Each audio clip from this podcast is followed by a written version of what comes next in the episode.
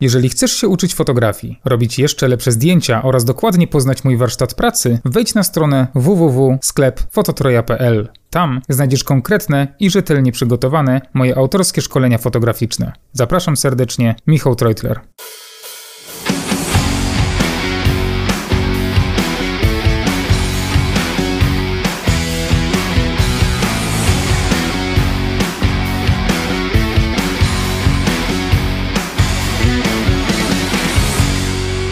Cześć ekipa, witam Was w piątym odcinku podcastu fotograficznego Dwa źródła światła. Ja nazywam się Michał Treutler i w tym odcinku będę światłem wypełniającym e, z tego względu, że dzisiaj będziemy rozmawiać o pewności siebie. Dlatego tym światłem głównym, największą mądrością tego odcinka będzie władał dzisiaj magister psychologii. Jak farmaceuta. E, bardzo szarmanty. E, dzisiaj będziemy rozmawiali o pewności siebie w fotografii. E, szczególnie właśnie mm, weźmiemy na warsztat ten, e, ten konstrukt, jakim jest pewność siebie u fotografa, ale też e, w, na sesji, e, przed sesją, w kontaktach z klientami itd., tak itd. Tak Myślę, że to jest bardzo ważne. E, dla, dla fotografów, no nie tylko dla fotografów. Mam nadzieję, że każdy, kto, kto obejrzy ten odcinek, posłucha tego odcinka, e, wyciągnie coś dla siebie. Tak, mi się wydaje, że możemy w ogóle obrać taką, taki format rozmowy, że ja będę tą osobą, e, która nie ma pewności siebie, która e, szuka tej, tej pewności w, nie tylko w swoich działaniach, ale także w poczuciu własnej wartości. I, I powiedzmy, że jestem taką osobą, bo na pewno po części też jestem. Jak, Bartek, co, jak, co zrobić, żeby faktycznie zacząć być ba bardziej pewnym siebie? Albo inaczej, czy, czym w ogóle jest pewność siebie? E, to po pierwsze, e, nie, nie będziemy tutaj na terapii, żebyście wiedzieli. E, A szkoda. no, możemy tam jeszcze ze 20 godzin podcastu nagrać. Natomiast tak realnie, E, pewność siebie, jeżeli chodzi o, o, taką definicję pewności siebie, to jest to bardzo trudna do zmierzenia, właściwie nie cecha, ale bardziej stan, bo cecha to jest coś takiego, czego nie możemy zmienić zwykle, albo jest dla nas, do nas przypisane, a stan pewności siebie możemy być w tym stanie, albo, albo nie, zależnie od różnych sytuacji, więc to jest raczej takie płynne to jest takie poczucie kompetencji tego, co robimy i tego, że robimy dobrze albo niedobrze, albo że się na czymś znamy, albo że się na czymś nie znamy. To jest po prostu taka nasza świadomość tego, czy, czy my wiemy, o czym my mówimy. Pewność siebie wcale nie oznacza, że my się znamy. Pewność siebie też może oznaczać, że my się na czymś nie znamy, ale wiemy, że się na tym nie znamy. Nie? Mamy tą pewność siebie co do tego, co możemy zrobić, a czego nie możemy zrobić. I dlatego, dlatego trzeba to rozróżnić właśnie e, od e, na przykład arogancji albo od, od takiej, od braku pewności siebie, nie? W sensie to są dwa, dwa konstrukty, które są przy, na przeciwnych biegunach, ale pewność siebie dotyka bardziej mnie jako mnie i ona nie jest zależna trochę od ludzi na zewnątrz, bo pewność siebie jest um, moja i tylko ja jestem pewny albo niepewny, Natomiast jeżeli chodzi o arogancję i taką pyszałkowatość, to różnica jest taka, że ona wynika, jest w stosunku do kogoś, nie? W sensie, że jak ja jestem arogancki, to ja wiem, że ja jestem lepszy od ciebie. Mhm. A jeżeli jestem pewny siebie, to znaczy, że ja jestem pewny tego, co ja umiem, co ja wiem, bez względu na to, czy ty jesteś, czy, czy ciebie nie ma, nie? W sensie mhm. po prostu mam tą swoją taką świadomość siebie. A łatwo przejść z powiedzmy dość mocnej pewności siebie, silnej do arogancji?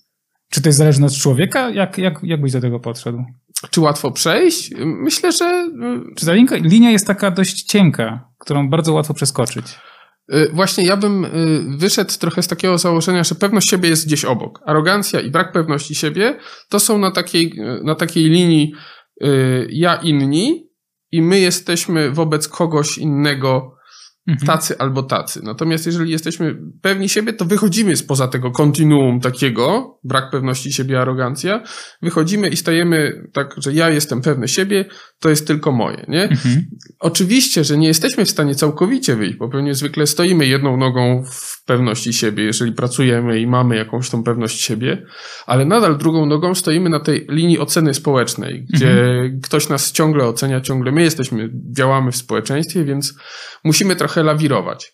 Pewnie jest tak, że jeżeli pracujemy nad pewnością siebie, e, to to jest trochę taka sinusoida, że my czasem wejdziemy w tą arogancję, nieświadomie nawet, że kurczę, o, pracuję nad pewnością siebie, teraz jestem lepszy, nie? Mhm. I potem znowu musimy sobie dawać takie sprzężenie zwrotne, w sensie świat nam daje sprzężenie zwrotne, no nie jesteś taki dobry, nie chojracz.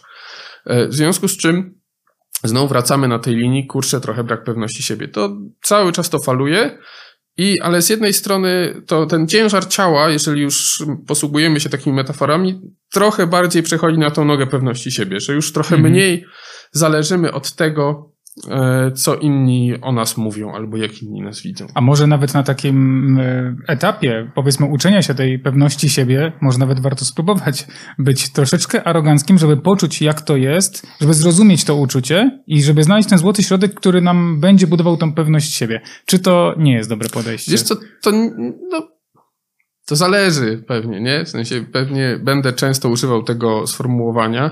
Natomiast jeżeli wejdziemy w taką arogancję, taką świadomą arogancję, że okej, okay, ja będę arogancki, to już nie jest chyba okej. Okay. To, to, to nawet nie chodzi o to, czy jest okej, okay, czy nie okej, tylko to nam może yy, negatywnie na nas wpłynąć, bo wejdziemy, nie będąc pewnym siebie, wejdziemy arogancko, mhm.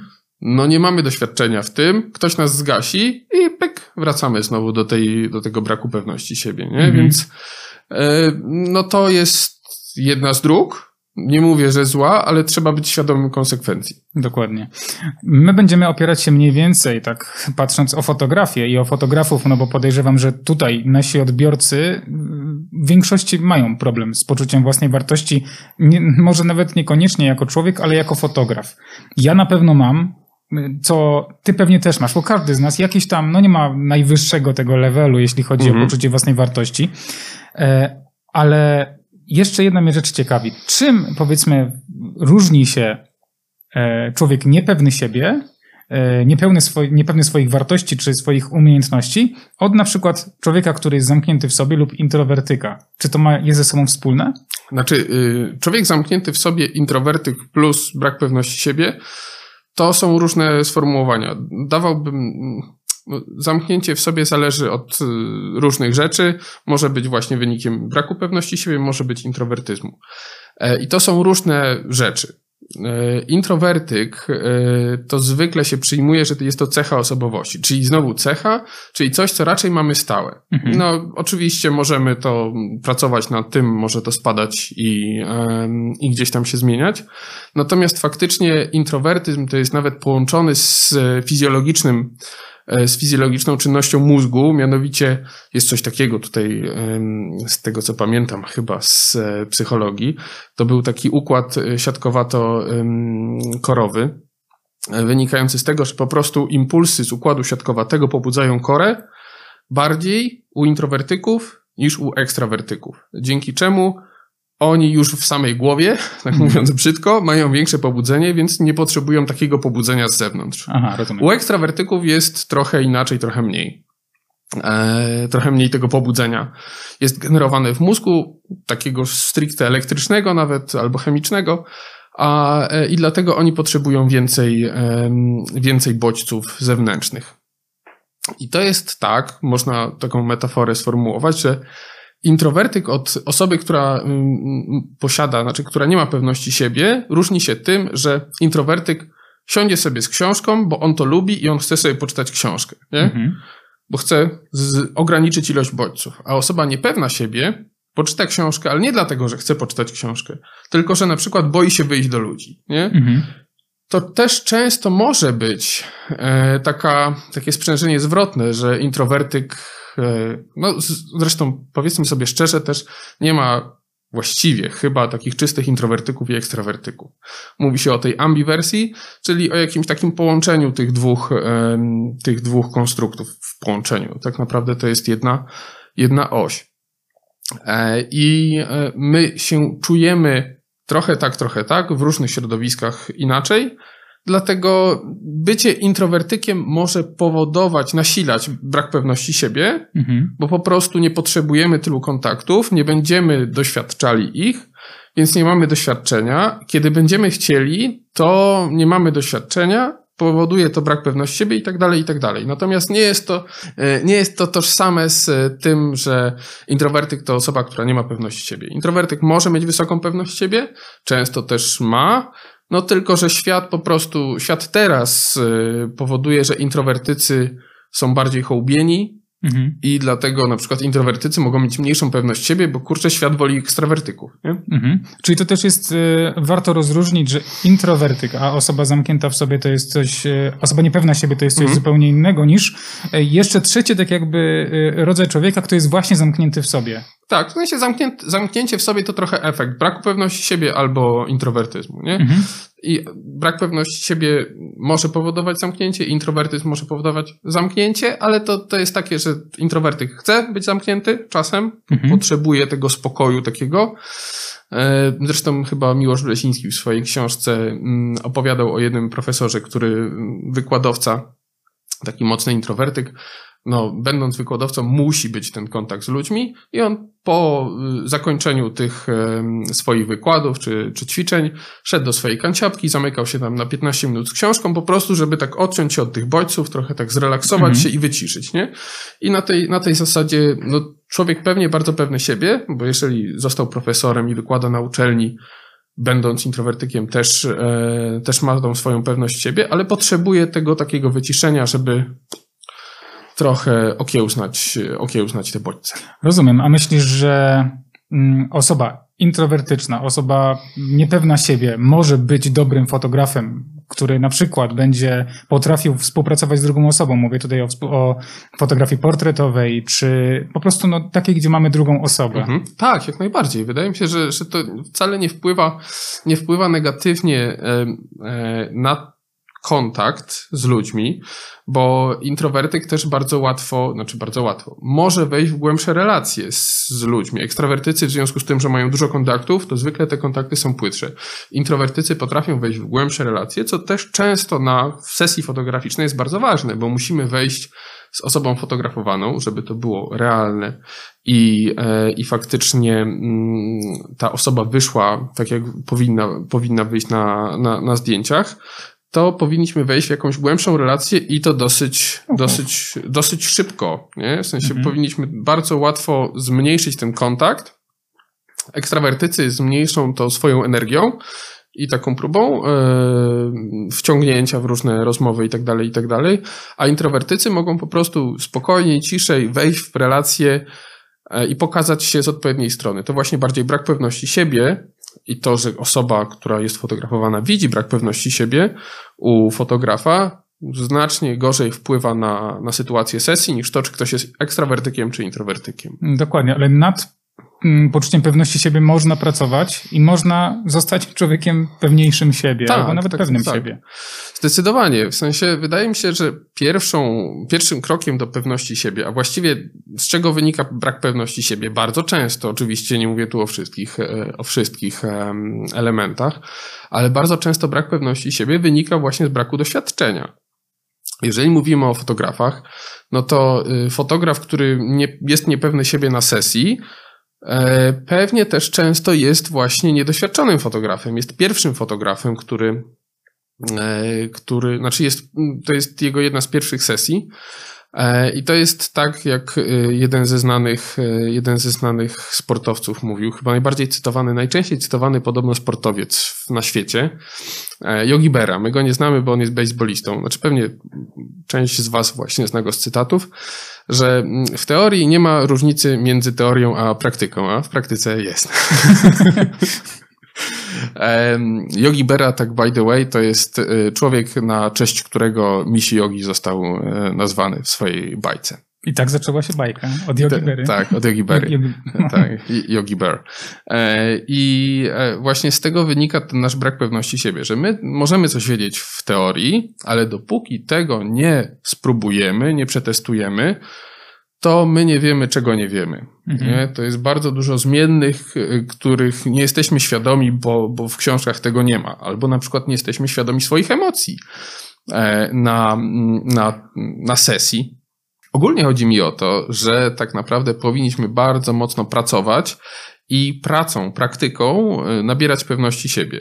To jest tak, że my mamy z tym problem, żeby popełniać błędy. I to jest chyba jeden z, według mnie, jeden z najgorszych, e, największych problemów obecnego świata, że my nie mamy pozwolenia na to, żeby popełniać błędy ciągle widzimy, jesteśmy bombardowani e, informacjami na Instagramie, na, czy na fotoblogi, jeżeli chodzi o nasze podwórko, czy na innych e, serwisach e, fotograficznych, samymi fantastycznymi zdjęciami i sukcesami kolejnych, kolejnych fotografów. Nie?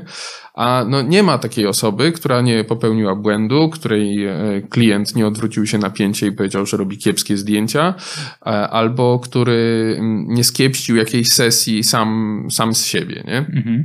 Bo, tylko, że o tym się nie mówi. To jest problem nasz, naszej świadomości, że my nie mamy takiego przyzwolenia na błąd. Nam się wydaje, że jak zaczniemy robić sesję, to już powinniśmy robić je super, fantastycznie i mhm. e, jeżeli nie wyjdzie nam na przykład pierwsza sesja, no to znaczy, że jesteśmy kiepscy. Nie? Rory Sutherland, jeden z takich guru reklamy w e, Wielkiej Brytanii, e, on też bardzo duży nacisk kładzie na to, żeby popełniać błędy, a właściwie nie tyle popełniać błędy, co nie trzymać się y, takiej sztampy i cały czas dążyć do tego, żeby wszystko było, wszystko było y, tak, jak być powinno. O, mhm. On zresztą ukuł takie fajne powiedzenie, że um, the opposite of right isn't always wrong, nie? czyli mhm. przeciwieństwem zrobienia czegoś dobrze nie zawsze jest zrobienie czegoś źle.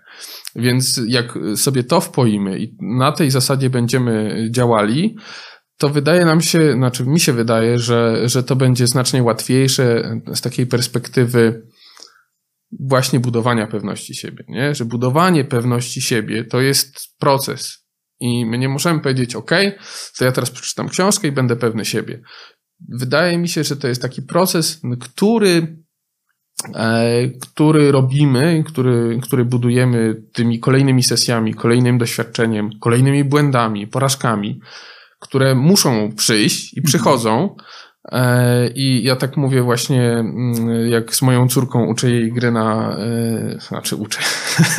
ja się uczę z nią grać Wspierasz na skrzypcach. Ją. Tak, wspieram ją, bo nie umiem grać na skrzypcach, ale e, mówię jej, że masz popełniać błędy. Chodzi mi o to, żebyś popełniała błędy. Ja nie chcę, żebyś ty zagrała pierwszy, pierwszy koncert wspaniale i super, tylko masz popełniać błędy, bo jeżeli będziesz się bała popełniać błędy, to się nie nauczysz, bo nikt nie, nie nauczył się Nikt nie nauczył się grać na skrzypcach, czy jeździć na rowerze mhm. bez y, złej nuty, czy upadku y, i zdartego kolana. Więc to jest według mnie jedno z takich ważniejszych y, praw budowania pewności. Czyli musimy robić sesje zdjęciowe, musimy być świadomi tego, że możemy coś zepsuć, że sesja może nie iść y, w 100% tak, jak byśmy chcieli, że możemy zrobić błąd, ale powinniśmy z tych błędów wyciągać wnioski i liczyć się z nimi, bo te właśnie błędy nas najwięcej uczą. Bo mówi się, że najlepiej uczyć się na błędach, najlepiej cudzych, ale nie do końca. Ja myślę, że na własnych najlepiej, jeśli nie są one jakieś tragiczne w skutkach, ale jednak e, warto się uczyć na błędach, dlatego musimy działać, no nie? Jak najbardziej tak. Tak, na cudzych błędach się łatwo uczyć, z tego względu, że e, my na cudzych błędach uczymy się tak poznawczo. W sensie przyswajamy wiedzę z tych błędów, że na przykład, nie wiem, ty popełniłeś błąd w ustawieniu lampy, to ja się nauczę, ok, to tą lampę trzeba ustawić tak. Ale ja y, nie czuję tych emocji, które ty czułeś mhm. w momencie, kiedy ty ustawiałeś tą lampę, bo na przykład może się okazać, że modelka była bardzo niecierpliwa i ty tobie się udzieliło to, że ona jest niecierpliwa, ty chciałeś zrobić szybko coś tam, coś tam. Mhm. I dlatego ustawiłeś tą lampę tak. A, ja nie poczuję tych emocji, nie poczuję, dlaczego ty tą lampę ustawiłeś. Ja mogę wiedzieć, że ty tą lampę ustawiłeś tak albo inaczej, mogę być na to przygotowany, ale koniec końców sytuacja sesji i sytuacja tego doświadczania stresu, nie stresu, emocji, relacji z e, osobą fotografowaną, za każdym razem różną, bo to za każdym mhm. razem kogoś innego fotografujemy zwykle chyba że Marlenę, e, to, to jednak jest cały czas coś nowego. Coś nowego, dlatego ja bardzo polecam jednak samemu ćwiczyć, samemu działać, samemu doświadczać tego, co, co robimy. E, bo, no bo wydaje mi się, że, że to jest nauka. Ja się pod tym jak najbardziej podpisuję, bo patrząc tak z mojego praktycznego doświadczenia, mm, ja teraz współpracując z klientami, przede wszystkim chcę, żeby oni czuli, te, czuli to, że ja jestem pewny siebie, bo jeśli ja nie będę pewny siebie, no to oni nie będą pewni tego, że zrobię im dobre zdjęcia. Mhm. I e, zauważyłem, że dobrą praktyką jest, jeśli powiedzmy, robię sobie sesję jakąś portretową, przećwiczyć wcześniej setup oświetleniowy, ustawienia aparatu, e, mniej więcej wiedzieć na co ja się piszę, jakie, jakie wymagania ja będę musiał spełnić. I jeśli ja sobie to przećwiczę wcześniej, a jeśli zrobię to kilka, kilkanaście, kilkadziesiąt razy, to ja później będę dużo bardziej pewny siebie, zwłaszcza pod tym względem technicznym. A jeśli ten etap będę miał za sobą, no to w późniejszej relacji z drugim człowiekiem też będzie mi prościej. Mhm. Bo jeśli ja będę wiedział, co mam robić, to oni, te, to druga osoba też mi bardziej e, zaufa. Więc po pierwsze, moim zdaniem warto właśnie jak najwięcej e, testować, nawet zepsuć e, niektóre ustawienia światła. Warto testować na rodzinie, na, na mamie, córce, kimkolwiek, mm, byle tylko mieć właśnie tą praktykę, bo praktyka nas najbardziej uczy. Mhm. E, to praktyka nas e, najbardziej uczy, to jest e, jedna bardzo ważna rzecz. Druga bardzo ważna rzecz jest taka świadomość tego, że my możemy zrobić złe zdjęcia, w sensie takie przyzwolenie sobie na to, że możemy zrobić złe zdjęcia. Jeżeli ktoś ma z tym problem, to niech sobie tak, to jest wbrew takiej pozytywnej zasadzie, że my teraz będziemy robili, w sensie wizualizujemy sobie tylko dobre sesje i będziemy mieli tylko mhm. dobre, dobre zdjęcia. To ustalić sobie y, ze sobą tak naprawdę taki kontrakt zawrzeć, że teraz robię trzy sesje, gdzie mają, gdzie te zdjęcia mogą wyjść kiepskie. One mogą wyjść kiepskie, nastawiam się na to, nastawiam na to modelkę też, mhm. Y, bo żeby, żeby właśnie nie kłamać i nie, nie mydlić oczu, ale mówić, ja chcę się nauczyć światła, ty chcesz się nauczyć pozować. To pewnie będzie modelka z mniejszym doświadczeniem, jeżeli mówimy o takiej fotografii modelingowej. E, I e, wtedy wszyscy są mniej więcej na tym samym poziomie. W sensie ja jestem świadomy tego, że robię błędy, że się uczę, mogę robić błędy, nikt ode mnie nie wymaga fantastycznych zdjęć. I czasem lepiej pozytywnie się rozczarować, w sensie, jeżeli modelka dostanie jednak dobre zdjęcia, to super, ale nie ma tych takich oczekiwań, że, że to na pewno będzie perfekcyjna sesja. Znowu wracamy do tej szczerości wobec, wobec klienta, o której mówiliśmy w poprzednich, e, w poprzednich podcastach. Wydaje mi się, że właśnie to jest takim clue, żeby sobie powoli zrobić, y, zbudować pewność siebie u fotografów niepewnych siebie, początkujących, nie? Mhm. którzy trochę się boją tego, boją się, że nie zrobią złe zdjęcia i tak dalej, i tak dalej. Kiedy nastawiamy się trochę na to, kiedy mówimy o tym wszem i wobec, to mamy niskie oczekiwania. Zresztą Leszek Kołakowski mówił, że człowiek szczęśliwy ma po prostu niskie oczekiwania. E, mamy niskie oczekiwania co do tej sesji e, i, e, i po prostu możemy wyjść, albo, albo nie stracimy nic, no bo tak czy siak było kiepsko, miało być kiepsko, jest kiepsko, albo zyskamy. Mhm. A z kolei, jeżeli się nastawimy na, na, wysoki, na wysoki efekt, e, no to, to wtedy możemy albo wyjść z niczym, w sensie tak na, na równo, miał być wysoki efekt, jest wysoki efekt, mhm. albo stracimy. Wiesz.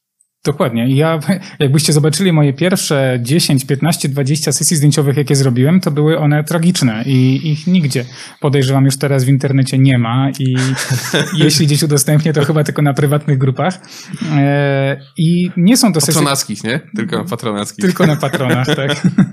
Nie są to zdjęcia, którymi warto się chwalić, mm, których, którymi chciałbym się chwalić, z tego względu, że właśnie popełniłem wiele, wiele błędów, e, które dużo mnie nauczyły. Mało tego, ja teraz popełniam popełniam dużo błędów, które nadal mnie uczą. I każdy błąd jest bardzo dobrym takim bodźcem na przyszłość. Ja pamiętam, jak kiedyś taki zrobiłem błąd, nieświadomie, mm, wziąłem na sesję e, sztuczne kwiaty i zrobiłem bliski portret, gdzie ta sztuczność plastiku była bardzo widoczna. Ja tego nie widziałem, nie widziałem tego błędu, a byłem bardzo z tego zdjęcia dumny, bo modelka wyglądała przepięknie, wszystko było piękne, tylko ten plastik. I ktoś mi to napisał na, na, na, tym, na grupie jakiejś fotograficznej, że Michał, wziąłbyś ten plastik, wyrzucił, bo, bo źle to wygląda. I ja myślę, kurde, faktycznie. Nie widziałem tego wcześniej. To jest błąd, który już teraz pamiętam. Nie wolno mi użyć e, kwiatów sztucznych, no chyba, że nie będzie to widoczne, że, mhm. że są sztuczne. I takie błędy najlepiej uczą. Więc im więcej tych sesji zdjęciowych zrobimy, tym więcej obyśmy ty, tych błędów nawet popełniali, bo mhm. każdy błąd dodaje tą cegiełkę do poczucia większej pewności siebie pod względem doświadczenia. Mhm, dokładnie. Dokładnie, tym bardziej, że tym bardziej, że e, lepiej zrobić dużo błędów przy sesji, która ma niski ciężar gatunkowy mhm. i w, która, która wiemy, że jest TFP, modelka jest świadoma, make-upistka, jeżeli jest, to też jest świadoma, niż e, hojraczyć i mówić, że mm, spoko, ja umiem, e, pójść do jakiegoś takiego klienta, który będzie dla nas bardzo mm, ważny i, i opiniotwórczy i nagle mu położyć sesję. Mhm. E, właśnie w związku z tym, że nam się wydaje, że my wszystko wiemy, bo teoria, teoria po prostu jest level expert, a koniec końców praktyka i te emocje i, i ten flow na sesji y, leży, bo my nie jesteśmy tego świadomi. Dokładnie, także pamiętajcie, że jeśli będziecie organizować sesję TFP, co to jest w ogóle olbrzymia przewaga tych sesji TFP, że można je robić, to bądźcie szczerzy ze swoimi modelkami, bo jeśli nie macie doświadczenia, to powiedzcie o tym, niech modelka zdaje sobie sprawę, że zdjęcia niekoniecznie muszą wyjść idealne, a biorąc modelkę bez jakiegoś olbrzymiego doświadczenia, myślę, że i tak będzie zadowolona. Mhm. Bo to, że my popełnimy jakieś błędy, powiedzmy techniczne, fotograficzne, ona niekoniecznie je dostrzeże, bo mhm. dla, tak jak już mówiliśmy wcześniej, dla osób, które są fotografowane, bardziej liczy się to, jak one wyglądają, jak się sobie podobają na zdjęciach, niż to, czy mamy zdjęcia ostre, czy jest przysłona F10 mhm. czy F2. Tak. No, cały czas możemy, y, możemy trenować też y, relacje, y, właśnie próbując, próbując rozmawiać z kolejnymi osobami, które mogą, mogą chcieć zdjęcia. Mój znajomy ma taką, który jest konferencjerem, jest bardzo fajnym i bardzo obytym, doświadczonym człowiekiem, ale wynika to nie z tego, że on po prostu tak się urodził i tej pewności siebie i łatwości w mówieniu przed publiką nabył, tylko dlatego, że on ma takie ćwiczenie, na przykład, że stoi sobie na takiej półpiłce, która symuluje, e, służy do ćwiczenia równowagi, e, otwiera książkę, na jedno, czyta jedno zdanie i przed lustrem mówi 10 minut tylko i wyłącznie o tym jednym zdaniu. I on to trenuje, normalnie jest to dla niego trening, tak jak my trenujemy ćwiczenia, to, to on na tej piłce do balansowania sobie, sobie sprawdza i mówi, że nikt go nigdy bardziej niż ta piłka nie wyprowadził z równowagi, dzięki temu, że tyle, e, że tyle przetrenował. Więc e, trening, trening, trening i to buduje pewność siebie, to buduje poczucie kompetencji, buduje poczucie niekompetencji, w sensie wiemy, gdzie mamy braki, gdzie mamy, gdzie powinniśmy jeszcze nabyć e, jakieś umiejętności i dzięki temu ta pewność siebie właśnie jest taka swoja, nie? W sensie ja wiem, co ja mogę, ja wiem, czego nie mogę, za co nie powinienem się brać, a co jest w strefie mojego najbliższego rozwoju i na przykład na sesji, na której mogę sobie popróbować, będę próbował kolejnych rzeczy. Nie? Dobrze, czyli doświadczenie to jest taki pierwszy dla fotografów, taki, taka porada od ciebie, by budować doświadczenie, bo to jest pierwsza cegiełka do tego, żeby podwyższyć swoje zaufanie do samego siebie mhm. i poczucie własnej wartości takiej fotograficznej. No ale co dalej?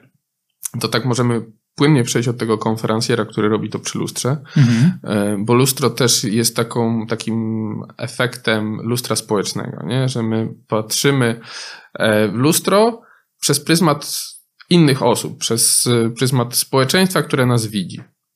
My jako fotografowie często pracując z ludźmi, znaczy Zwykle pracujemy z ludźmi. Nawet jeżeli to nie są fotografie portretowe, to są jacyś klienci, którzy zlecają nam fotografie produktowe, jacyś redaktorzy, którzy zlecają fotografie prasowe. Mhm.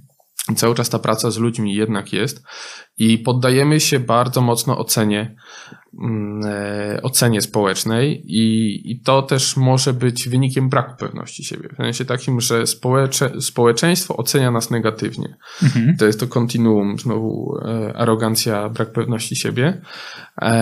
I tu doświadczenie gra dużą rolę, ale gra dużą rolę też społeczeństwo i społeczność, którą wokół siebie możemy stworzyć, nie? bo pewność siebie możemy też podbudowywać konstruktywną krytyką.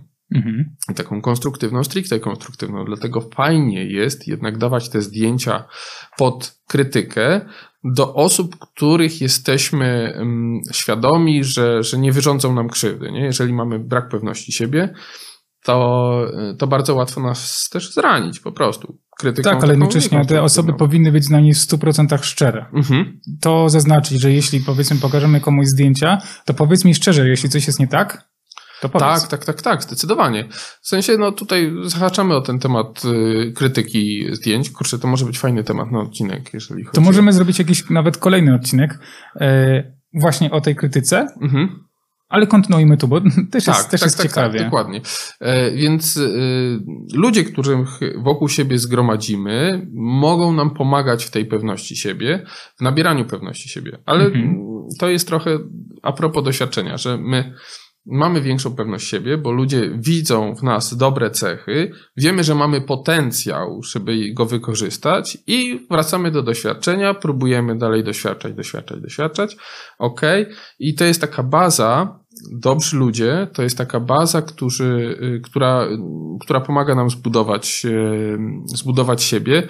Też mówi się o tym, że jesteśmy składową pięciu najbliższych osób mhm. wokół nas. Jest to bardzo, e, ja się z tym bardzo zgadzam. E, I bardzo polecam szukać, e, szukać ludzi, którzy nas pociągną w górę. Nie? Ten hultający mon Huncwot, Michał jest tego bardzo dobrym przykładem wobec mnie, bo, bo pewnie gdyby nie, gdyby nie on i gdyby nie to, że, że zaangażował mnie do tego podcastu, to, to pewnie nie wyszedłbym na, na YouTube'a. Więc warto. Cieszę się bardzo. Więc warto szukać takich ludzi wokół siebie, warto podkreślać, znaczy umacniać te więzi nasze, nasze społeczne, bo to jest y, fajna rzecz, jeżeli chodzi o, o takie poczucie własnej wartości, nie? W sensie mhm. nie tylko pewności siebie, ale własnej wartości. Jestem wartościowy, działam, znaczy to, to, co ja wnoszę jest, jest fajne i jest ważne. Mhm. A czy możemy w takim razie to tak delikatnie yy, spłycić do tego, że jeśli jesteśmy osobami początkującymi, bardzo początkującymi w fotografii, to czy powinniśmy sobie znaleźć pięć najbliższych nam osób i tylko im pokazywać zdjęcia, czy już się rzucać na głęboką wodę i wrzucać na jakieś grupy fotograficzne, na jakieś fanpage swoje zdjęcia, czy jeszcze poczekać z tą publikacją taką yy, wszystkim? Jeżeli mamy możliwość, to ja bym radził jednak, yy, krytyka jest lepsza, może trochę mniej szczera, ale dla osób początkujących jest lepsza, kiedy jest bezpośrednia. Nie? W sensie, mhm. jeżeli ja tobie pokażę zdjęcia, to możesz mi powiedzieć, Bartek, tutaj zrobiłeś to, to, to źle, to źle. Nawet jeżeli to powiesz i, i powiesz to tak y, dosyć surowo, to ja mogę powiedzieć, ale co ci się tutaj nie podoba, nie? A ty mi powiesz, a wiesz co, tutaj ten. I już jest ten kontakt, więc y, mhm. krytyka taka głosowa, mówiąc brzydko, jest całkowicie inna od tej krytyki takiej która jest napisana, która mhm. przekazuje bardzo mało takiej treści poza tym, co jest napisane, nie? A to sposób mówienia, e, to jak ty się zachowujesz, to mnie cała nasza relacja też powoduje, że my inaczej tą krytykę odbieramy. Dlatego ja uważam, że na początku dla osób niepewnych siebie, to zawsze warto pokazać znajomym, porozmawiać o tych fotografiach, e, spotkać się. To też trochę, mhm. E, trochę inaczej buduje tą więź fotograficzną. Wrzesiński w swojej książce Wy wszyscy moi ja, Miłosz, e, opowiada, że żeby nauczyć się jeździć na rolkach, to lepiej nie kupować rolek, ale zapisać się do grupy osób jeżdżących na rolkach, nie? Mhm. Żeby ta motywacja właśnie do jeżdżenia na rolkach, czy na przykład do motywacja do, do, do bycia fotografem, była trochę wyższa, bo otaczamy się ludźmi, którzy są zanurzeni w tej samej, w tej samej pasji i, I cały czas mniej więcej jesteśmy w kontakcie z, z jazdą na rolkach albo z mhm. fotografią. Nie? Tak. Czyli jeśli jestem osobą bardzo niedoświadczoną i pokazuję moim najbliższym te zdjęcia, ale jest też prawdopodobieństwo, że mimo wszystko powiedzą, że te zdjęcia nie są w porządku, coś jest nie tak, nie podobają im się. Mhm. I tutaj też jest, y, tak mi się wydaje, nasza kwestia taka, by nie załamać się, tylko zrozumieć, że jest to dobra rada, którą, z którą, którą powinniśmy wywnioskować i uczyć się, co zrobić lepiej, żeby im się mhm. bardziej podobało. Bo są osoby, właśnie te niepewne siebie, mm, które mogą się właśnie załamać. Powiedzą, a to nie dla mnie w takim razie, bo ja nic nie umiem. Mhm. A prawda jest taka, że żeby nauczyć się dobrze fotografii, nie wystarczy kilka sesji, tylko to jest lata, lata nauki. Mhm. Tak, cały czas, y, tak jak sam mówisz, nie? cały czas odkrywasz jakieś kolejne, mhm. e, kolejne ciekawostki, które, które robisz i które wdrażasz e, do, do, do swoich fotografii. E, no to, to jest trudne, dlatego im bardziej będziemy zwracali uwagę na to, czy to, to są osoby nam bliskie, nie powiem, że bliskie, ale takie, które, które życzą, życzą nam dobrze albo po prostu nie życzą nam źle i um, jesteśmy świadomi tego, że my chcemy to robić i e, pokażemy im te fotografie, zobaczą, powiedzą tu jest, tu jest nie tak, tu jest nie tak, E, no to też to jest inny komunikat niż weź sprzedaj aparat, nie? Mhm, Albo tak. jeżeli ktoś chce się pochylić nad tymi fotografiami, warto też zwrócić uwagę na to, że on chce, on się angażuje w to, on chce mm, kilka słów powiedzieć do nas, to nie powie, to są kiepskie fotografie, nie? On powie, nie, tu jest coś nie tak, tu jest coś nie tak, więc on angażuje się i dla nas to też jest jakaś informacja, że to jest coś wartego pochylenia się, nie? Mhm. Że, że ktoś widzi coś więcej w tym zdjęciu, bo mówi ci, co masz naprawić, mhm. a nie, że wyrzuć to. No właśnie i tutaj bardzo zgadzam się z tym, co powiedziałeś odnośnie tych pięciu osób, żeby pokazywać bliskim osobom i, i czekać na tą konstruktywną krytykę, bo gdybyśmy faktycznie e, wrzucili swoje zdjęcia na, na internet i nie daj Boże jeszcze otrzymali hejt, który jest teraz tak popularny, mhm. to bardzo właśnie może załamać. Mhm. I my musimy być na taki hejt również yy, odporni, bo w pewnym momencie zapewne on się zdarzy. Jak radzić sobie z hejtem? Ha, ale to jest strasznie trudne pytanie. Znaczy, z hejtem bardzo ład, ładny film oglądałem, um, ale to trzeba być już trochę pewnym siebie, żeby mhm. tak zareagować. Y, oglądałem film taki instruktażowy dla y, szkół w Stanach Zjednoczonych, jak radzić sobie z hejtem, kiedy podchodził y, chłopczyk i mówił, ale ty masz brzydki sweter, nie? Mhm. A ten gość, który był hejtowany, mówi, tak, ja mam brzydki sweter, nie? Tak, y, całkowicie, y, całkowicie jasny, klarowny komunikat, to oczywiście zgadzam się, nie? Ale to już potrzeba większej ta, Ale pewności. to już potrzeba pewności siebie. Natomiast radzenie sobie z hejtem na początku jest, no jest mega trudne i to jest niestety bardzo niebezpieczne. Dlatego, dlatego ja na początku radzę wybierać grupy, które są pozbawione hejtu i wybierać ludzi, którzy, którzy nie tyle powiedzą nam kwieciście o tym zdjęciu, ale co do których wiemy, że oni są do nas, no właśnie, nie negatywnie nastawieni. Mhm. Radzenie sobie z hejtem, no pewnie milion książek zostało napisanych i, i jeszcze drugie tyle zostanie napisanych. E, no jest mega trudne, bo mimo wszystko możemy sobie poznawczo uznać bez sensu. Gość, który, nie wiem, nie ma żadnego portfolio, w ogóle aparatu nie dotknął, ale pisze pod moim zdjęciem, że jest kiepskie, jak on może oceniać moje zdjęcie, nie? E, I poznawczo, czyli tak na poziomie informacji, merytoryki, możemy powiedzieć absolutnie bez sensu. Natomiast emocjonalnie cały czas w nas siedzi. Mhm. Więc yy, myślę, że Osoba, Musimy. która jest mhm. bardzo pewna siebie, myślę, że ma w, albo pewna siebie swojej pracy, jest w większym, y, ma większe prawdopodobieństwo, że ten hejt jakoś przełknie i zapomni, mhm. mimo że gdzieś tam faktycznie to, to, to, to zostanie. A na tym początkowym stadium naszego rozwoju jednak ten hejt może zabić, więc y, no to chyba albo trzeba to przepracować, albo po prostu zrozumieć, że nie wolno tego brać do siebie. Mhm. Mm, ja pamiętam, y, jeden kumpel nasz wspólny miał, dostał właśnie jakąś tam hejterską wiadomość odnośnie swojego zdjęcia mm, na jednej z grup fotograficznych, z którą się nie zgadzał. To znaczy, mhm. ktoś tam, coś mu skomentował, że to zdjęcie jest po prostu do dupy, bo coś tam. I on z jednej strony nie zgadzał się y, z tym hejtem, ale z mhm. drugiej strony nie wiedział, czy ten ktoś nie ma racji. Mhm. I napisał do mnie, co ja tak naprawdę sądzę. I ja sądziłem, że ten ktoś racji nie miał mhm. y, i wytłumaczyłem swój pogląd, dlaczego uważam, że to nie ma, y, że to był po prostu mhm. hejt, który był po prostu hejtem. I spodobało mi się, że to, że ten, ten, ten kumpel po prostu z, zaczął się śmiać z tego hejtu, bo zrozumiał, że to jest mhm. osoba, która po prostu powinna się wyżyć emocjonalnie na, nie wiem, na siłowni, a mhm. nie w internecie. Mhm. No tak, y, wiesz, to też jest y, taki, y, taki kontekst i problem, że my, nie będąc świadomym nie mając świadomości, czy nasza fotografia jest dobra, czy zła, no nie jesteśmy świadomi, czy ten hejt nas dotyka tak racjonalnie, w sensie, mhm. czy, czy, faktycznie, czy faktycznie on ma jakieś merytoryczne przesłanki, czy on jest tylko i wyłącznie, no właśnie, hejtem dla hejtu i, i po prostu trafiło się. Mhm, tylko musimy też jeszcze rozróżnić, czym jest hejt, a czym jest konstruktywna krytyka, bo tak. jednak są osoby, które mają problem z rozróżnieniem. Znaczy, ja bym chciał tutaj powiedzieć właśnie a propos konstruktywnej krytyki, E, Marek Zawadzki na jednej. Pozdrawiam Marka. Pozdrawiam Marka. Napisał mi pod jednym moim zdjęciem, to był sam początek, zapamiętałem Marka z tego, mhm. że niemożliwe, żeby ta trawa miała taką luminację. Ja do, do tej pory zawsze pamiętam i sprawdzam, kurczę, czy to ma taką luminację? Jak, jak kręcę tymi suwaczkami, tak. em, w, kręcę, przesuwam suwaczki w Lightroomie, to zawsze myślę, hmm, Marek? Co bym powiedział Marek? Ale to jest bardzo fajny właśnie rodzaj nauki. I Marek, dziękujemy za bardzo fajną naukę.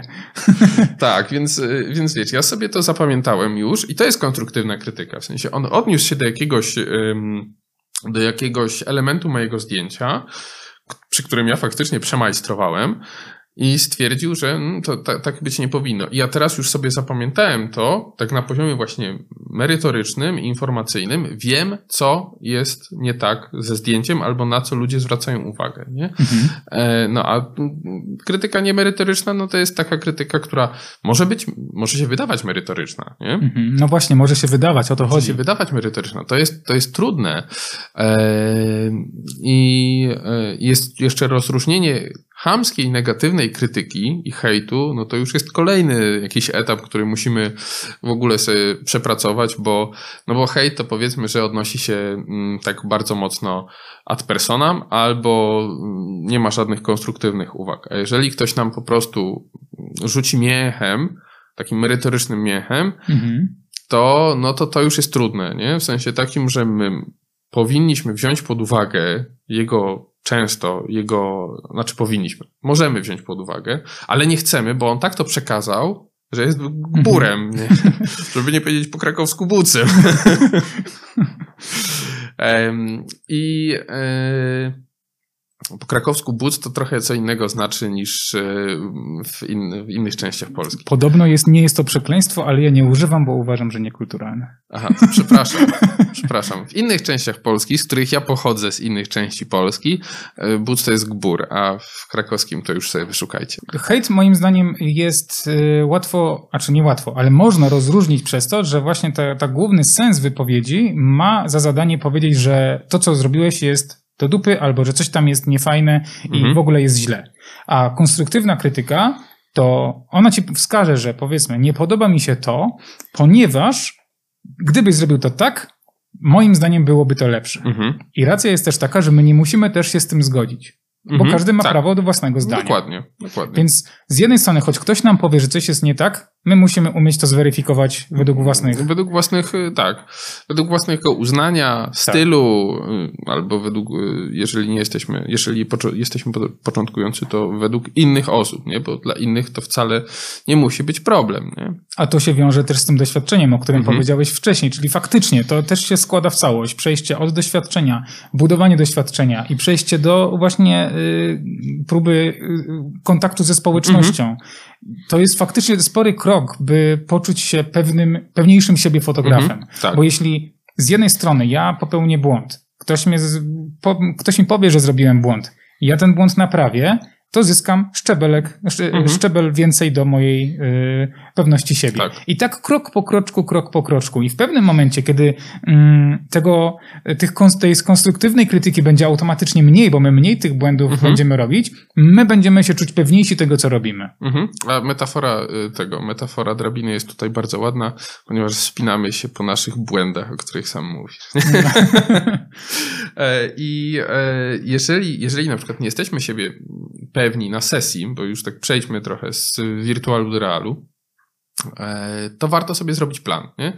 W sensie, żeby, żebyśmy byli nadzorowani przez siebie, kiedy byliśmy całkowicie merytoryczni. W sensie, to, kiedy nie było emocji na sesji. Czyli na przykład mamy na sesji, chcemy zrobić sesję, mamy plan takie, takie, takie.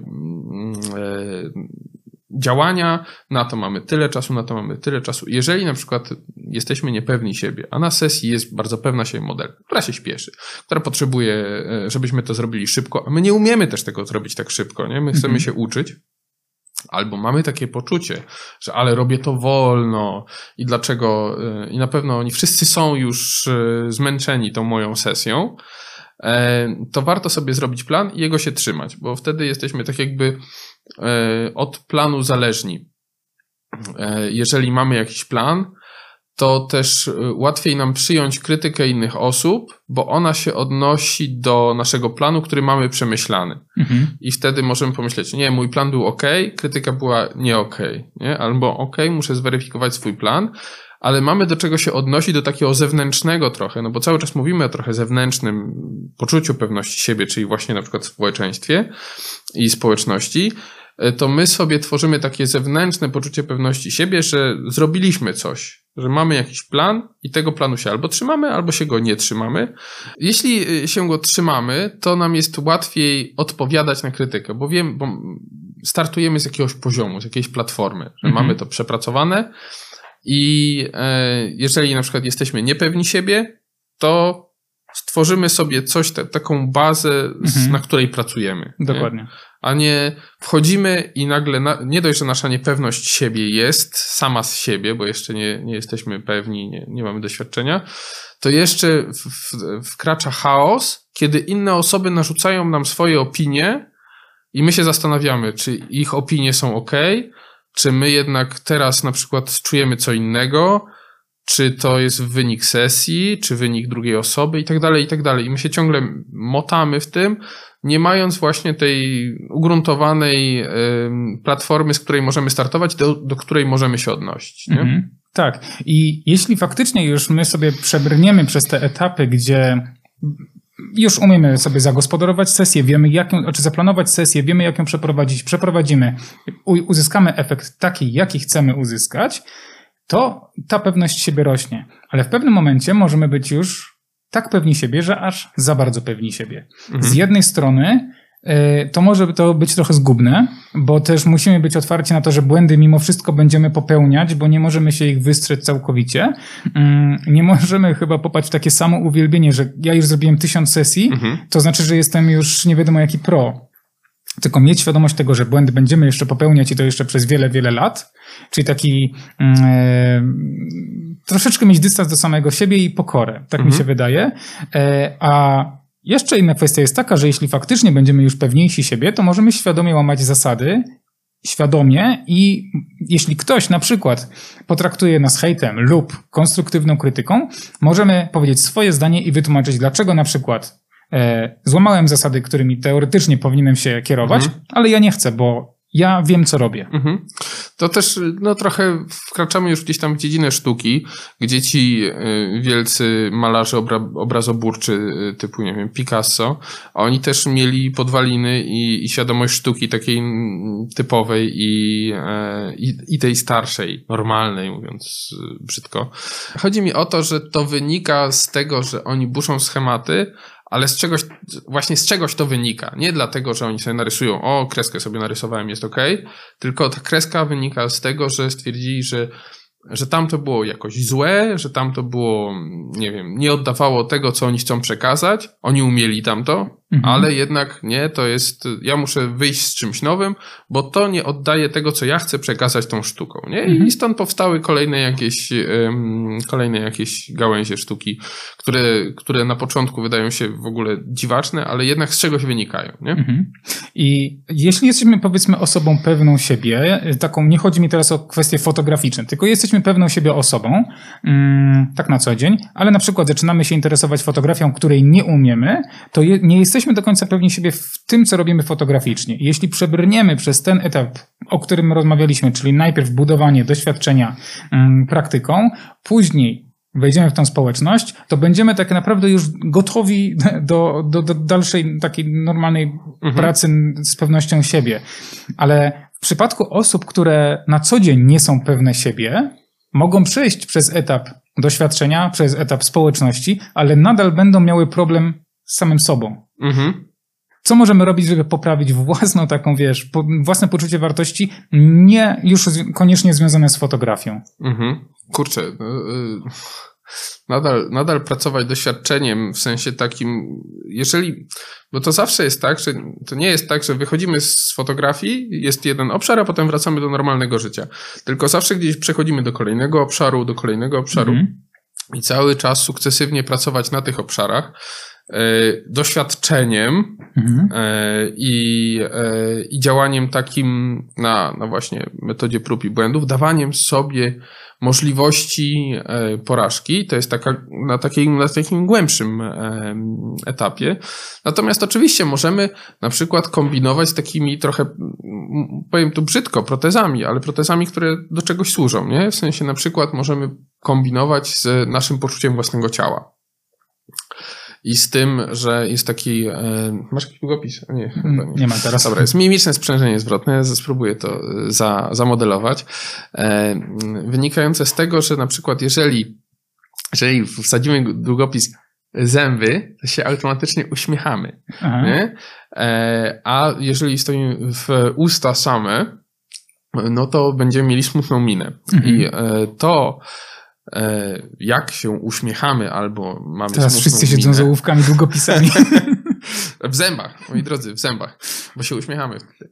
E, to wpływa na to, jak my się czujemy trochę czyli na e, nasze samopoczucie, bo mózg nie lubi, jak ktoś robi z nią głupka. Mhm. Jeżeli, e, jeżeli mamy uśmiechniętą minę, to myślę sobie, kurczę, to musi być coś, e, coś dobrego, jeżeli się uśmiechamy. Nie? To mówię w bardzo dużym skrócie tak, tak. o mimicznym sprzężeniu zwrotnym, ale na tej zasadzie to właśnie wynika mm, to, jak, jak my mamy poczucie naszego ciała, jak e, my pracujemy z naszym ciałem i jak to, jak nasze ciało jest na przykład ułożone, wpływa na nasze takie samopoczucie, właśnie pewność siebie, mhm. ocenę, e, ogólnie własną samoocenę.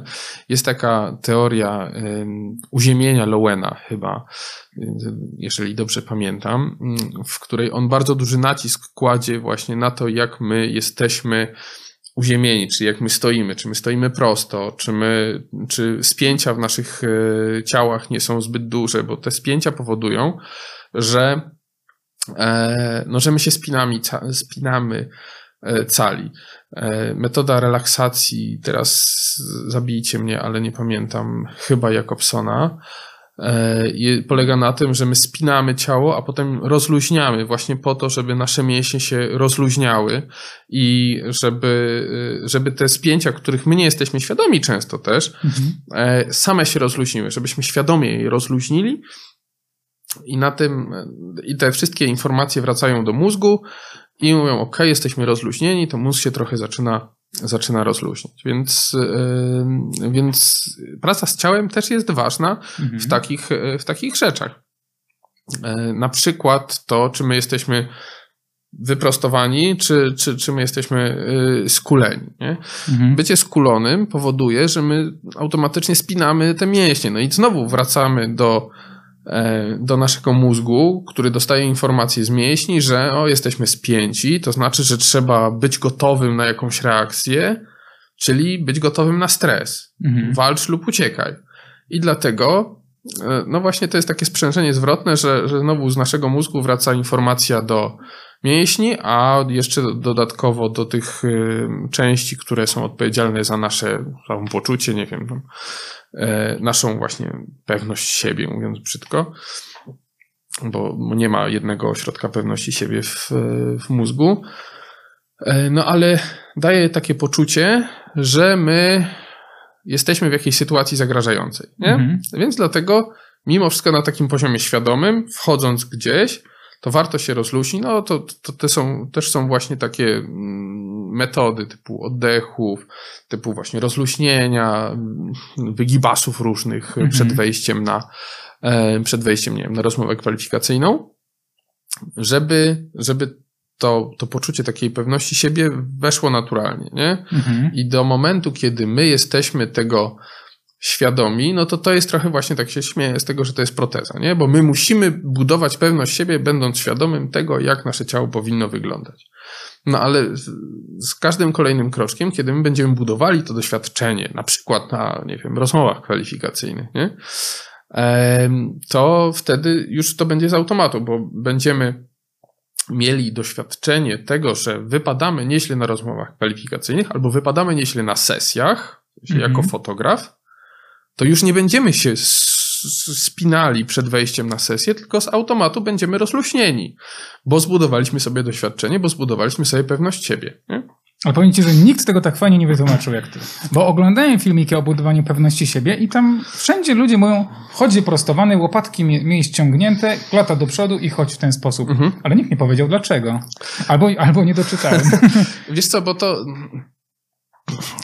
z dwóch stron, nie? W sensie, ja tu powiedziałem trochę o tej stronie fizjologicznej, a jest jeszcze ta strona taka społeczna, nie? Czyli, no jeżeli ty, tak się mówiło kiedyś, że jeżeli, e, chyba w wojsku ktoś mi, ktoś mi opowiadał, bo nie byłem sam, że jeżeli e, ty masz e, przejść przez plac, na którym są jakieś tam zajęcia, to ty masz przejść pewnym krokiem, stuprocentowo szybko, żeby nikt cię nie zawołał, bo to znaczy, że jesteś zajęty, nie? Mhm. W sensie takim, że sprawiamy wrażenie mhm. wśród innych osób i inne osoby z kolei są do nas inaczej nastawione. No to jest inna część tego, tej pewności siebie budowanej ciałem, wynikająca właśnie z tego, że nasz wejście pewnym krokiem, nie wiem, do knajpy, mhm. jak do salonu y, w westernie, powoduje, że o, już wszyscy tak, wiesz, no to mhm. z automatu też nam buduje pewność siebie, że o, znaczy, ale to jest taka ta pewność siebie zahaczająca o arogancję, mhm.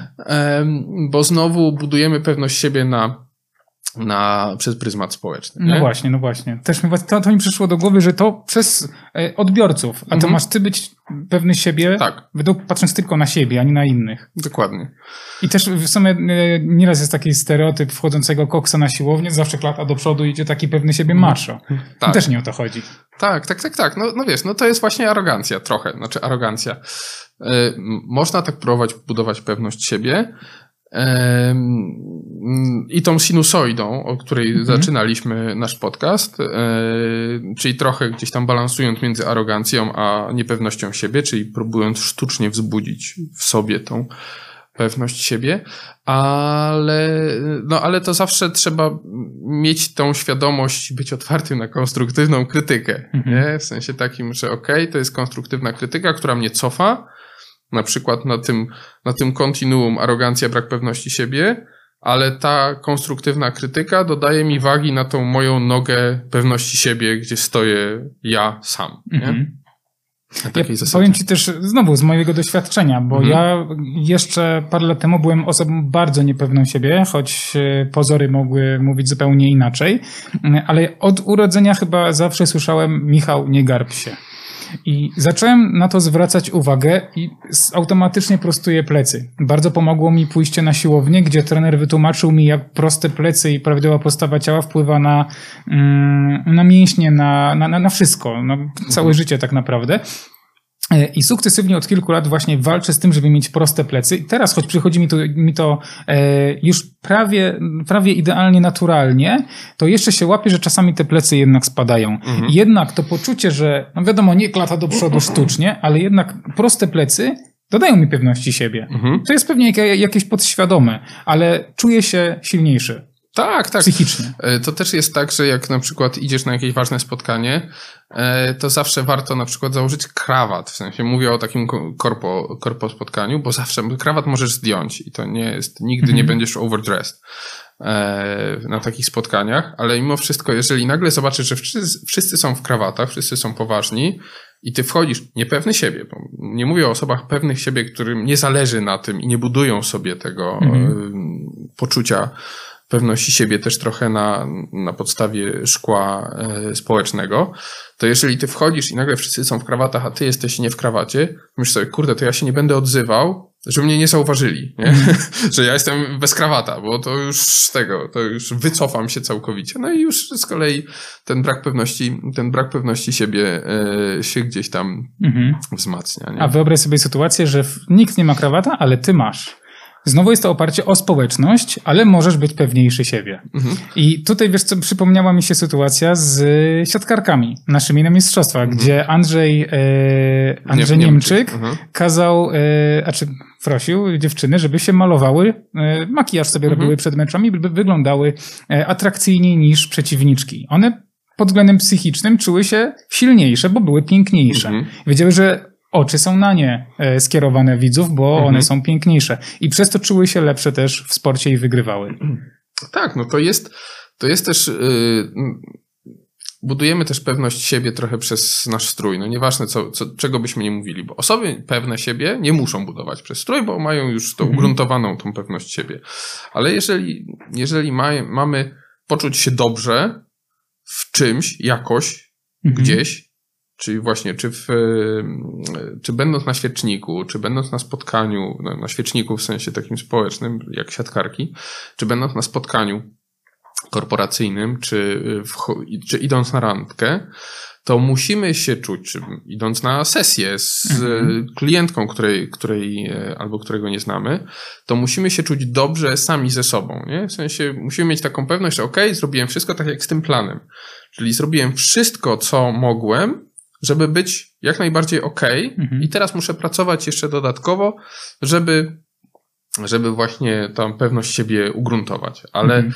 e, no, jeżeli będziemy mieli jakieś braki w tej pewności siebie, znaczy w, tej, w tym naszym zewnętrznym wizerunku, to ktoś może w ogóle na to nie zwracać uwagi, nie? Ale my będziemy wycofani, no bo kurde, no nie założyłem krawata. Jak, mhm. jak ja wyglądam? Przecież wszyscy pomyślą o mnie, że jestem jakiś to w ogóle nie mam szacunku do nich, nie? Więc to, to znowu siedzi w naszej głowie. E, ci, ci inni mogą siedzieć w naszej głowie, ale y, no jeżeli my budujemy pewność siebie, to warto jednak wyciąć te wszystkie możliwości, które powodują której w naszej głowie mogą powodować, że, że będziemy czuli się gorzej. Mhm, tak. E, czyli na pewno to, jak się prezentujemy, wpływa na to, jak czujemy się pewni siebie. Mhm. Warto o siebie zadbać, tak, tak, tak naprawdę. Mm, to też znowu mój przykład. E, bardzo dużo mi dało założenie aparatu na zęby. Mhm. Z tego względu, że zęby zawsze były moim e, kompleksem. Miałem bardzo nierówne dolne zęby. Góry, górne były w porządku i całe szczęście mm, te dolne nie były widoczne, ale jednak przy jakimś uśmiechu czy coś na zdjęciach te zęby dolne były widoczne. Mhm. I postanowiłem, że zainwestuję w ten aparat na zęby i mimo, że yy, bałem się, jak ludzie będą mnie w tym aparacie postrzegać, to też w ogóle było głupie z mojej strony, mhm. że się bałem tego, Teraz minęły dwa i pół roku i tam za pół roku będę prawdopodobnie ten aparat zdejmował. Już nie wstydzę się swoich zębów, mimo że, ma, mimo, że mam aparat. Mało tego, yy, zniknął kompleks zębów, ale też poprawiła się moja dykcja i sposób mówienia. Mhm. Nie wiedziałem, że tak to działa, ale faktycznie to, jak, jak mamy ułożenie szczęki, całego uzębienia wpływa na to, jak potrafimy się wysławiać. Ja kiedyś miałem ogromne problemy z y. Nawet nagrałem film, jak y, zrobić prompter z klocków Lego. Mm, właśnie przez to y. Mówię mhm. to y, bo nie da się go nie mówić. Znaczy, no wiadomo, że, się, że da się tego nauczyć, ale ja nie chcę się całkowicie go pozbywać, ale pomogło mi. Mhm. I w mowie, w rozmowie czuję się pewniejszy siebie. Mhm. No jest... tak, ale to wiesz, no też zbudowałeś, y, po pierwsze zrobiłeś, wykonałeś krok, Mhm. A potem budowałeś to wszystko doświadczeniem. Nie? No widzisz, to cały, jest znowu, tak, wszystko się ze sobą e, składa. Wszystko się ze sobą składa, dlatego no nie możemy powiedzieć, że ok, jak ty będziesz wyprostowany, to ty będziesz pewny siebie. Nie możemy powiedzieć, mhm. że jak ty będziesz pracował e, na kolejnych doświadczeniach, to ty będziesz pewny siebie w innych y, obszarach, o których rozmawialiśmy, nie? Mhm. że w fotografii, jeżeli będziesz pewny siebie, to wcale nie oznacza, że będziesz pewnym siebie w innych obszarach. To może ci pomagać, bo możesz mieć świadomość własnej wartości, że nie wiem, jeżeli jesteś kiepskim kucharzem, to nie znaczy, że to nie zawali ci się świat, że jesteś, kurde, nie umiem zrobić jajecznicy, tylko pomyśl sobie, okej, okay, to jajecznicy nie umiem zrobić, ale umiem robić świetne zdjęcia. I to mhm. gdzieś tam ta, to poczucie pewności siebie wynikające z samooceny nadal jest utrzymywane, nie? że jedna porażka cię, cię, cię nie rujnuje. E, natomiast to, o czym powiedziałeś właśnie, że, że ty zrobiłeś ten jeden krok e, i jeszcze go potem podparłeś kolejnymi, kolejnymi, kolejnymi, no to to właśnie pokazuje, jak bardzo dużo zależy od procesu. Że proces też chciałbym, żebyście zapamiętali, że pewność siebie to nigdy nie jest skończone. Nie? W sensie, że cały czas budujemy i cały czas jesteśmy w procesie budowania pewności siebie, a jeżeli skończymy budowanie proces pewności siebie, to wtedy zaczyna się arogancja. Nie? tak. E, jeżeli nie jesteśmy w stanie poprawić swoich błędów, nie jesteśmy ich świadomi, to, no to wtedy zaczyna się właśnie pyszałkowatość. Nie? To, co powiedziałem wcześniej, ja byłem człowiekiem bardzo niepewnym siebie i buduję, buduję, buduję i tak jak też powiedziałem, nie jestem do końca pewny siebie. Mhm. I po tym, co teraz powiedziałeś, uważam, że się cieszę. Bo gdybym był faktycznie w 100% pewny siebie, to mógłbym być arogancki. Tak, tak. A jestem? Tak. Chyba nie jestem, nie? Nie. Jestem. Ale widzisz, zależysz, nadal zależysz od szkła społecznego, bo pytasz. A, kurde, z psychologiem rozmawiać to nie jest takie proste. No, ale y, bardzo mi się spodobało. Rory y, Sutherland właśnie wcześniej wspomniany opowiadał, że rzeczy nie muszą być logiczne, ale warto, żeby były psychologiczne. E, bo często rzeczy, y, rozwiązania psychologiczne są lepsze niż te, y, niż te logiczne, a na pewno są, y, mogą być tańsze. E, jeszcze kwestia sportu. Mhm. Jak twoim zdaniem sport może budować pewność siebie? E, różnie. W sensie, I czy może? No pewnie tak, w sensie takim, że jeżeli, po pierwsze, jeżeli jesteś sportowcem i to jest twoja działka, tak jak naszym fotografia, e, no to może budować pewność siebie, bo, bo jesteś coraz lepszy. Nie? E, sport w takim kontekście w takim kontekście amatorskim, w sensie takim rekreacyjnym, który my uprawiamy albo nie, e, może pomagać też z perspektywy, po pierwsze, lepszej sylwetki, mhm. ale to jest dosyć płynne. W sensie są ludzie pewni siebie, którzy sylwetkę mają absolutnie kiepską, i są ludzie niepewni siebie, którzy mają sylwetkę idealną. E, ale też sport pomaga rozładować te napięcia, o których mówiliśmy wcześniej w, w ciele, nie? Mhm.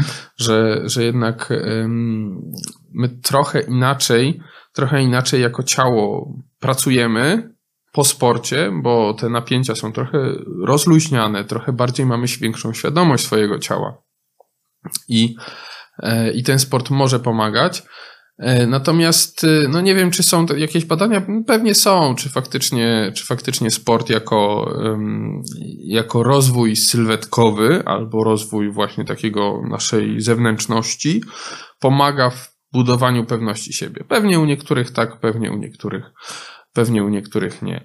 E, też takim bardzo łatwym mm, sposobem, jak przechodzimy do takich e, jednostkowych wydarzeń, znaczy jednostkowych, takich akcydentalnych, brzydko, czyli które nam się wydarzają, a których nie, nie robimy cały czas, E, może być na przykład, nie wiem, słuchanie, słuchanie głośnej, mocnej muzyki, która nas y, pompuje, nie? w sensie mhm. energetyzuje nas przed jakimiś ważnymi, ważnymi wydarzeniami. To robią sportowcy e, przed, przed swoimi startami, że tam gdzieś tam w słuchawkach sobie słuchają tego, co ich, e, co ich podnosi na duchu to, to też ma taki trochę fizjologiczny wpływ, nie? że gdzieś tam ta adrenalina się u nas wyzwala, trochę, mhm. trochę inaczej pracujemy. Adrenalina też jest takim z, e, substancją odwagi, trochę stresu. E, były takie fajne badania Szachtara Zingera na moście, kiedy była pani ankietująca przed mostem i za mostem. Była atrakcyjna modelka wynajęta do, do, do robienia tego badania. I okazuje się, że mężczyźni przed mostem wiszącym na jakiejś wielkiej przełęczy e, znacznie rzadziej prosili o numer telefonu i zagajali e, tą modelkę niż za tym mostem. Czyli to pokazuje, jak wpływa na nas to, w jakim my jesteśmy stanie emocjonalnym, jak my się nabuzujemy na przykład adrenaliną, bo przejście przez taki most wiszący nad skałami na pewno jest dosyć trudnym, znaczy takim wyzwalającym adrenalinę e, przeżyciem. I jak fizjologicznie to ma wpływ na to, jak my się zachowujemy później. Nawet nie będąc tego świadomym, okazuje się, że faktycznie te e, wyniki fizjologiczne powodują, że, że my trochę inaczej, mhm. trochę inaczej działamy i stąd ten sport, stąd ta, nie wiem, głośna muzyka, czy, czy to spompowanie się takie energetyczne, może nas czasem, może nam czasem pomóc właśnie w takim jednorazowym budowaniu pewności siebie, nie? Że, mhm. że, że, idziemy przygotowani na, na to, że będzie wiem, dobra rzecz. Dobra. Mhm. Ja tak wiesz, zagajiłem o ten sport do ciebie też oczywiście myśląc o własnych doświadczeniach, bo też jak wróciłem do mhm. sportu, to mi to też pomogło, bo razem ze sportem spadła mi waga, to mhm. dość, dość znacznie, e, przez co czuję się lepiej fizycznie, czuję się bardziej atrakcyjny niż jak te ważyłem ponad 100 mhm. kilo. I mm, to jest, tak jak mówiliśmy o tym, że prezentować się dobrze. Mhm. jeśli ja się będę lepiej prezentował, y, wiesz, w szczupłej sylwetce, że się tak wyrażę, no to też mi pod, pod, podbuduje tą mhm. pewność mm. siebie. Więc to oczywiście zależy od każdego człowieka, jak na jakiej płaszczyźnie możemy budować tę pewność siebie, ale to tak, tak zagajam dlatego, żeby właśnie zaznaczyć, że to są szczebelki, po których mhm. musimy wchodzić. I każdy szczebelek może być dobry. Tak, tak. tak Tylko tak, musimy na przykład odnieść jakiś tam powiedzmy sukces, bo jeśli na przykład pójdziemy, nie wiem, biegać, a po jednym dniu skończymy, no to mhm. prędzej się załamiemy niż sobie pomożemy. Mhm. Ale jednak patrząc przyszłościowo, może nam to bardzo pomóc. No i znowu wracamy do tego, że musimy y, próbować, nie? Mhm. że cały czas musimy podejmować wysiłki próbowania, doświadczania, pozwalania sobie na błędy, jeżeli e, zaraz, zaraz pewnie będziemy podsumowali, ale jeżeli macie wynieść jakąś jedną e, rzecz z tego podcastu, to chciałbym, żeby to było y, przyzwolenie na swoje błędy i taka autowyrozumiałość, nie? Że nie ma ludzi idealnych, świat nie jest idealny i wszyscy ci, którzy pokazują swoje idealne życie, pewnie 500 razy się potknęli i, i zrobili błąd. I każdy ten błąd, tak jak Michał tutaj pięknie sformułował metaforę, każdy ich błąd postanowił, znaczy został szczebelkiem w drabinie wyżej. Nie? Mhm. A powiedz mi Bartek, czy ty jesteś pewny siebie na co dzień? Nie. nie wierzę. Chyba nie, chyba nie. Nie, nie jestem pewny siebie. W sensie takim, yy, znaczy nie jestem niepewny siebie, ale też nie jestem tak pewny siebie, jakbym chciał być. E, Ale też zależy w jakiej dziedzinie, bo teraz siedzimy, rozmawiamy na tematy, których chyba pewny siebie jesteś i to dość mocno. Ale też, wiesz, no musiałem zrobić porządny research i przypomnieć sobie dużo Oczywiście, rzeczy. Oczywiście, no przygotowanie jest bardzo ważne. E, przypomnieć sobie dużo rzeczy z tego, co, czego się, czego się uczyłem, zdałem, zakułem, zdałem, zapomniałem, nie zawsze zapiłem. E, I, e, i też to jest, to jest bardzo dobre pytanie.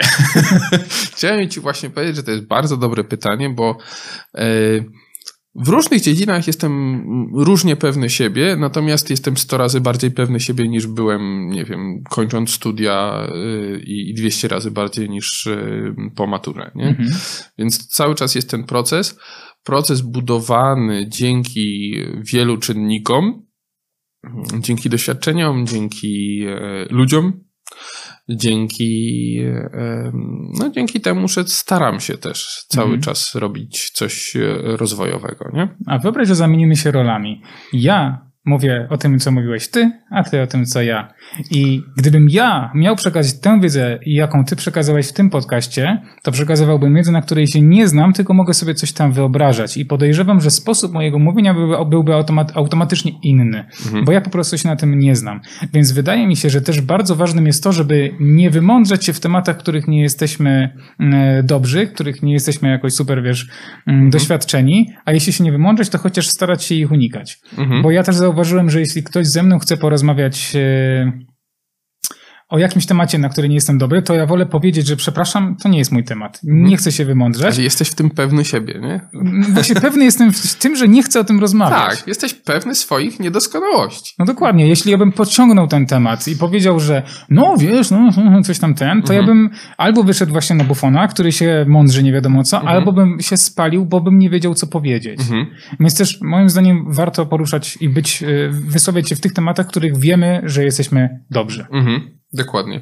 No, czyli być, i, i budujemy sobie poczucie kompetencji albo właśnie braku mhm. kompetencji i wiemy, że czegoś nie wiemy, więc jesteśmy pewni siebie w takim kontekście, że tego nie wiemy. Jeszcze jedna rzecz mi przyszła na myśl, bo jesteśmy przykładowo w sytuacji, kiedy ja rozmawiam, rozmawiam z osobą, która wydaje mi się dużo bardziej inteligentniejsza i mądrzejsza ode mnie. Mhm. Ja automatycznie zniżam się. Wydaje mi się, że jestem gorszy, że ten ktoś jest lepszy, Dlaczego tak robi? Dlaczego tak mamy? Nie mam pojęcia. Ja ci powiem taką śmieszną rzecz, e, która... E, ja byłem... W liceum już byłem wysokim człowiekiem, nie? Miałem różnych, e, różnych nauczycieli. Z 90 chyba 9% oprócz nauczyciela WF-u to byłem wyższy od tych nauczycieli. A jak ja sobie teraz przypominam tych ludzi, to zawsze mi się wydaje, że ja patrzyłem do nich e, w górę. Mhm. E, no właśnie. I, I to jest takie przeświadczenie, rozmowy nie tylko z, ludźmi inteligentniejszymi, ale z większą wiedzą, z większym doświadczeniem w różnych rzeczach. Nam się wydaje, że, e, że ten człowiek to jest guru mm, i, i Boga za nogi złapaliśmy, że on w ogóle się do nas odzywa, co jest strasznie, strasznie złe. Ja sam się bardzo często na tym łapię, że, że, mm, że mam takie poczucie, mimo że to, to jest normalny człowiek, który też, nie wiem, je obiad, mhm. e, śpi i tak dalej, i tak dalej. I, I wcale nie jest nie wiadomo kim, ale działa, e, działa tutaj takie, no to, to trochę ten brak pewności siebie, nie? Że, mhm. że, że w sumie my nie jesteśmy pewni siebie i właśnie patrzymy przez pryzmat tej drugiej osoby, co ona sobie o nas pomyśli, nie? Mhm. No przecież ona, no ja wyjdę przed nią jak, jak głupi, nie? A jeżeli ktoś na przykład, nie wiem, mi mówi, że mm, a ty to jesteś taki mądry na przykład. Rzadko mm. to mówią. to ja sobie myślę, kurde, to jak ja teraz powinienem się odzywać, żeby nie, żeby nie stracić. Żeby nie stracić, nie? Żeby się nie okazało, że wyjdę na głupiego. No to, to i to mnie znowu stresuje, nie? I, -hmm.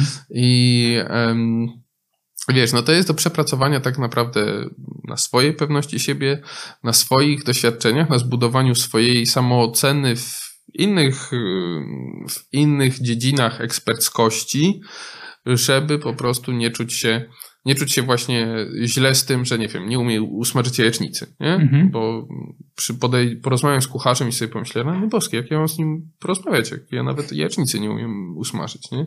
A tak naprawdę, no w żaden sposób nie zamierzam być kucharzem. Mhm. No, więc. Y, ja myślę, że przede wszystkim powinniśmy pamiętać o tym, że każdy jest każdemu równy. Nie ma ludzi lepszych, gorszych. A jeśli trafimy na kogoś, kto wydaje nam się być mądrzejszy, inteligentniejszy, to musimy porozmawiać sami ze sobą, że tak naprawdę ten ktoś w danej dziedzinie może być lepszy od nas, ale my możemy być w innej dziedzinie lepszy, lepsi od nich. Tak. Może nie lepsi, mhm. bardziej doświadczeni, może mieć większe pojęcie.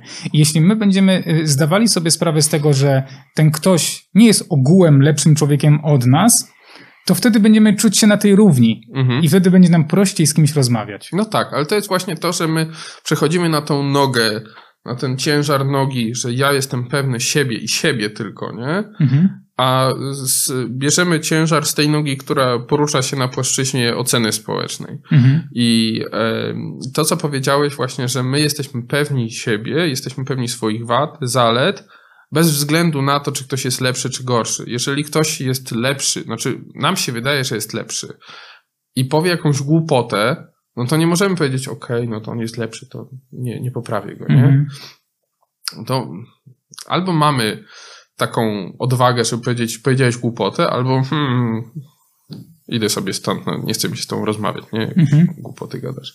Był taki śmieszny eksperyment. E, Asha chyba, jeden z takich większych eksperymentów psychologii, gdzie pryzmat społeczny był mega ważny, ponieważ dawali nie wiem, siedzieliśmy we trójkę e, i dawali im karteczki z różnymi liniami, różnej, znaczy liniami różnej długości, nie? I e, dwóch, dwie osoby to byli pomocnicy eksperymentatora i jedna osoba tylko była faktycznie tym badanym.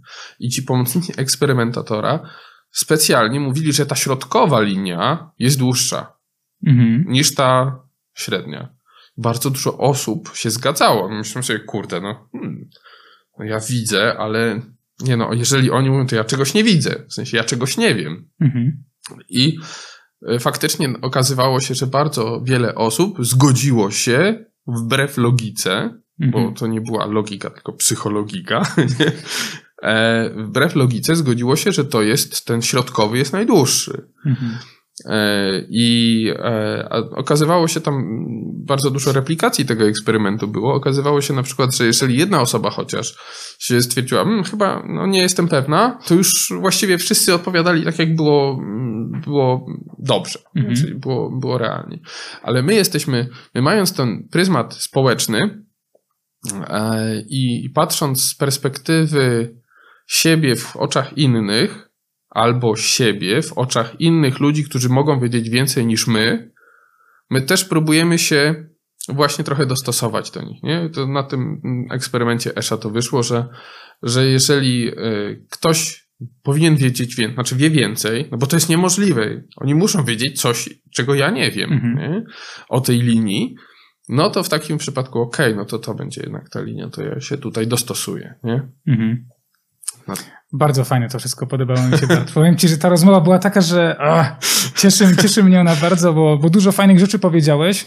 Myślę, że e, w, na blogu, który prowadzimy, zapraszamy was na naszego bloga e, www.podcast E, nie, www.dwaźródłaświatła.pl, gdzie zrobimy transkrypcję tego odcinka z konkretnym spisem tych wszystkich badań, czy, mhm.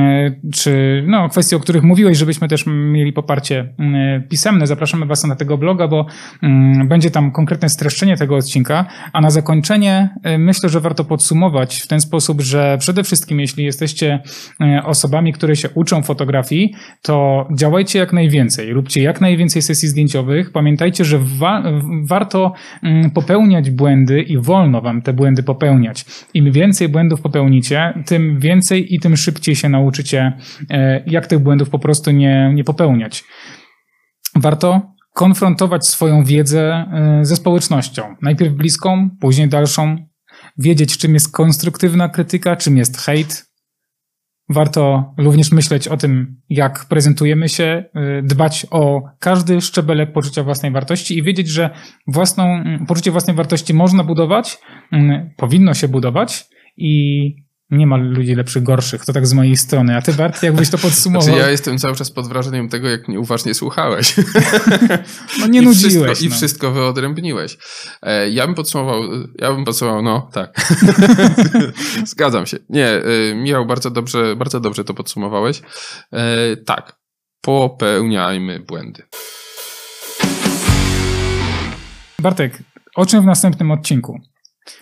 Skoro już tak zaczęliśmy ten temat że pracujmy, róbmy mhm. zdjęcia, uczmy się, to może porozmawiajmy o tym, jak uczyć się fotografii, jak rozumieć światło, jak uczyć się światło, jak uczyć się kadrować, o nauce fotografii. Co o, ty na to?